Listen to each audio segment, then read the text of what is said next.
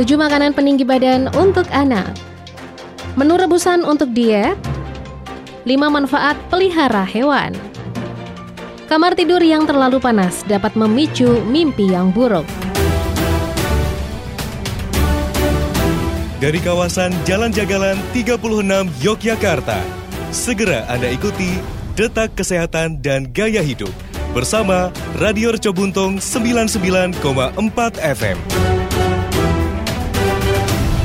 Selamat petang pemirsa, itulah tadi beberapa informasi yang dapat Anda ikuti dalam program Detak Kesehatan dan Gaya Hidup Raco Buntung edisi hari ini, Sabtu 18 Desember 2021.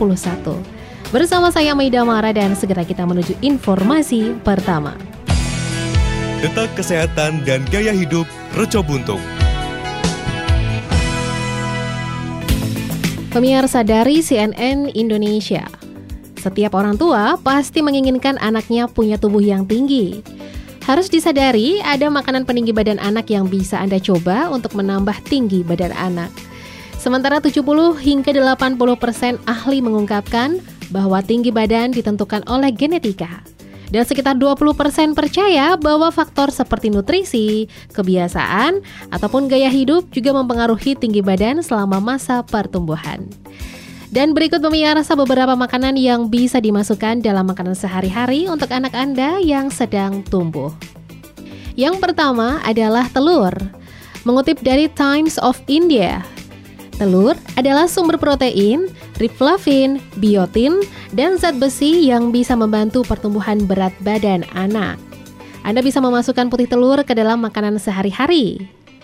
Selanjutnya adalah kedelai. Kedelai yang mengandung banyak protein yang bermanfaat untuk kesehatan tulang dan kedelai juga bermanfaat menjadi makanan peninggi badan anak.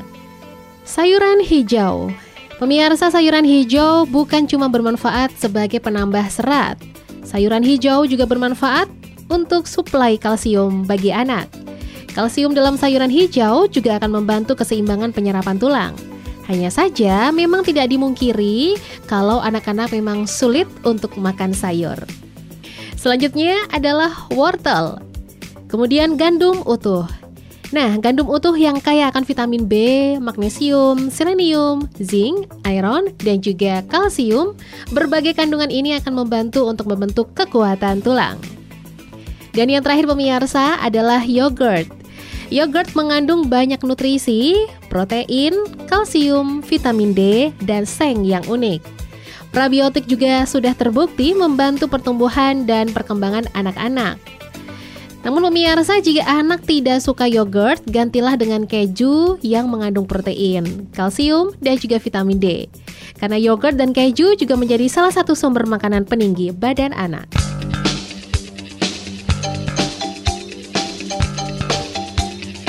Masih dari CNN Indonesia, Pemirsa makanan rebus kerap menjadi pilihan saat Anda diet. Nah, makanan jenis ini dinilai tidak terlalu berlemak jika dibandingkan dengan makanan yang digoreng. Membuat menu rebusan yang enak untuk diet juga terbilang mudah, dan pemirsa berikut ada beberapa pilihan yang bisa Anda coba. Yang pertama adalah pek camki. Menu pertama atau biasa disebut ayam rebus khas Tionghoa dengan cita rasa gurih dan enak. Untuk diet, sebaiknya gunakan dada ayam tanpa lemak karena mengandung protein yang tinggi. Bumbu-bumbu yang dipakai juga pastinya masih ramah diet ya karena terdiri dari irisan jahe, bawang putih, serta kecap ikan ataupun saus tiram. Yang kedua adalah tom yum seafood. Nah, salah satu makanan khas Thailand ini cukup populer di Indonesia karena rasa kuahnya yang khas mengkombinasikan asam, gurih, dan juga segar. Bahan-bahan membuat tom yum terdiri dari serat dan protein seperti wortel, kembang kol, tomat, aneka makanan laut, serta aneka bawang sebagai bumbu utamanya. Merujuk dari Fat Secret, satu porsi tom yum seafood hanya memiliki 216 kalori. Jumlah kalori tersebut bisa berbeda jika isiannya diganti dengan daging ayam atau daging sapi. Berikutnya adalah sobami. Nah, pemirsa menu rebusan yang enak untuk diet selanjutnya ini merupakan mie Jepang yang direkomendasikan untuk diet karena terbuat dari biji-bijian bebas gluten serta memuat protein, serat, karbohidrat tetapi nol lemak ya. Nah, pastikan Anda mengkonsumsi mie soba orisinil tanpa campuran tepung terigu. Rebusan mie soba dapat dikreasikan dengan tambahan sayuran hijau untuk melengkapi nutrisinya. Selanjutnya adalah sup ayam angkat. Menu rebusan satu ini menggunakan bahan dasar daging ayam tanpa lemak dengan campuran beras angkat China.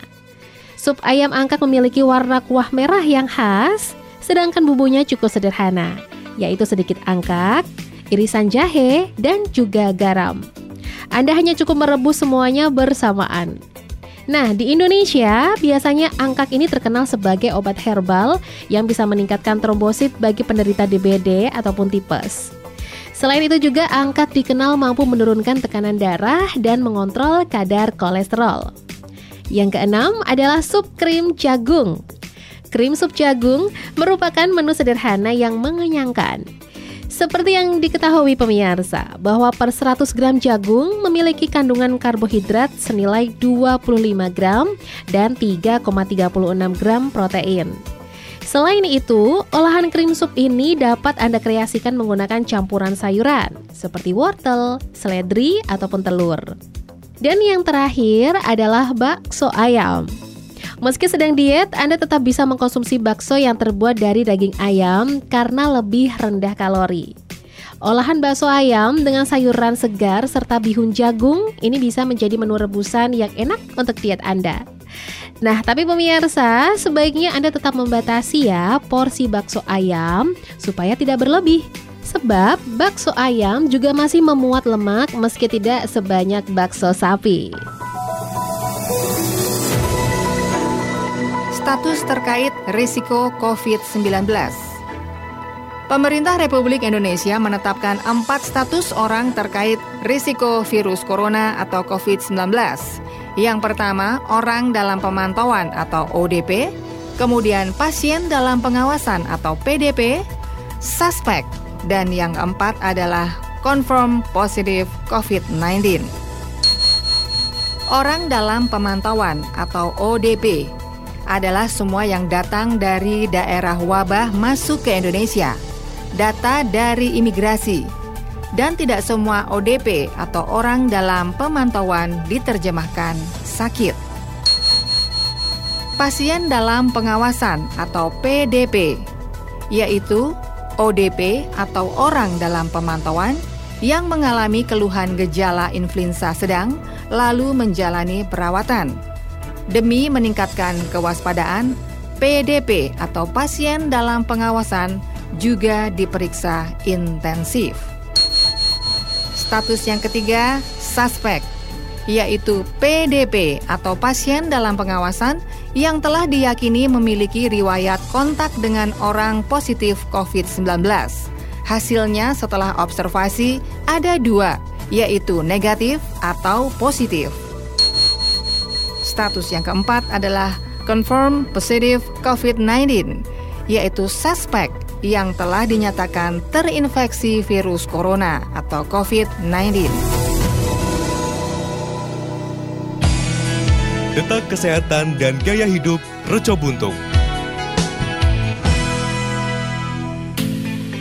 Informasi selanjutnya pemirsa dikutip dari liputan6.com menghabiskan waktu berkualitas dengan anjing, kucing, ataupun juga hewan peliharaan lain ternyata dapat berdampak positif loh pada suasana hati dan kesehatan Anda.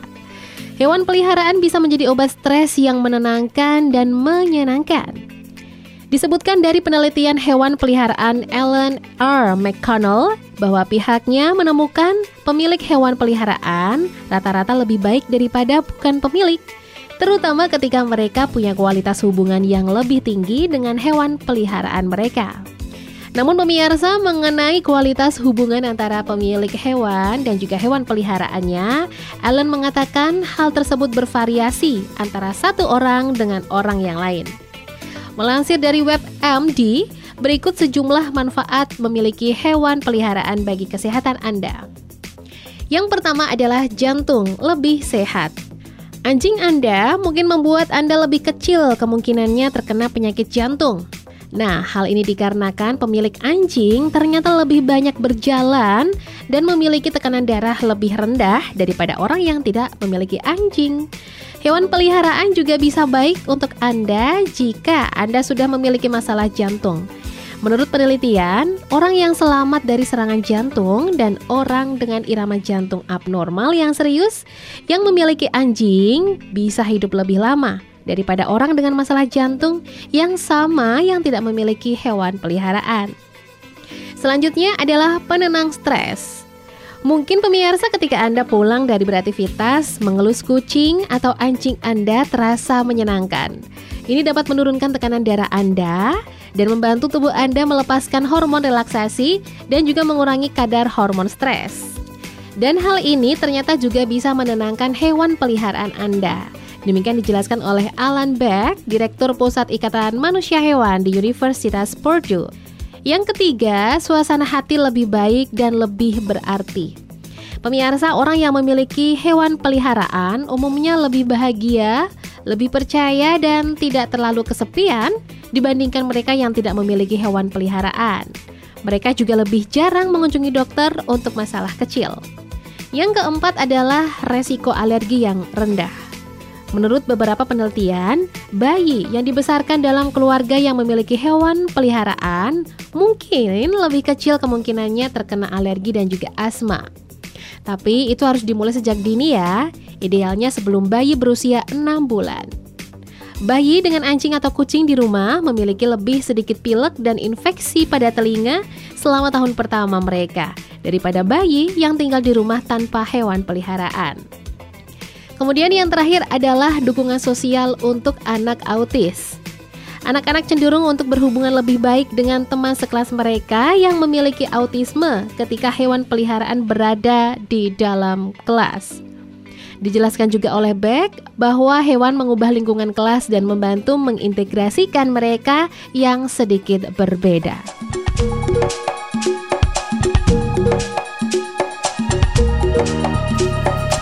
Informasi terakhir pemirsa dikutip dari CNN Indonesia. Mimpi buruk sering kali dikaitkan dengan stres dan juga kecemasan.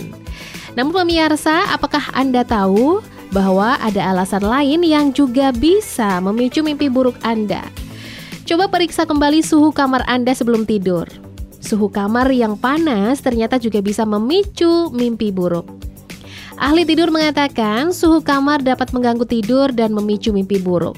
Suhu kamar yang disarankan untuk tidur malam yang nyenyak dan berkualitas adalah 18 derajat Celcius. Dijelaskan oleh mantan ketua British Sleep Society, Dr. Neil Stanley, dikutip dari metro.co.uk. Agar kita bisa mendapatkan tidur malam yang nyenyak, kita perlu kehilangan sekitar 1 derajat Celcius dari suhu tubuh internal kita yang berada di sekitar 37 derajat Celcius. Nah, pemirsa untuk mendapatkan suhu tubuh internal tersebut, diperlukan suhu kamar antara 16 hingga 18 derajat Celcius. Selain mencegah mimpi buruk, Stanley juga mengatakan suhu dingin ini bisa meringankan gangguan tidur seperti mendengkur atau sleep apnea.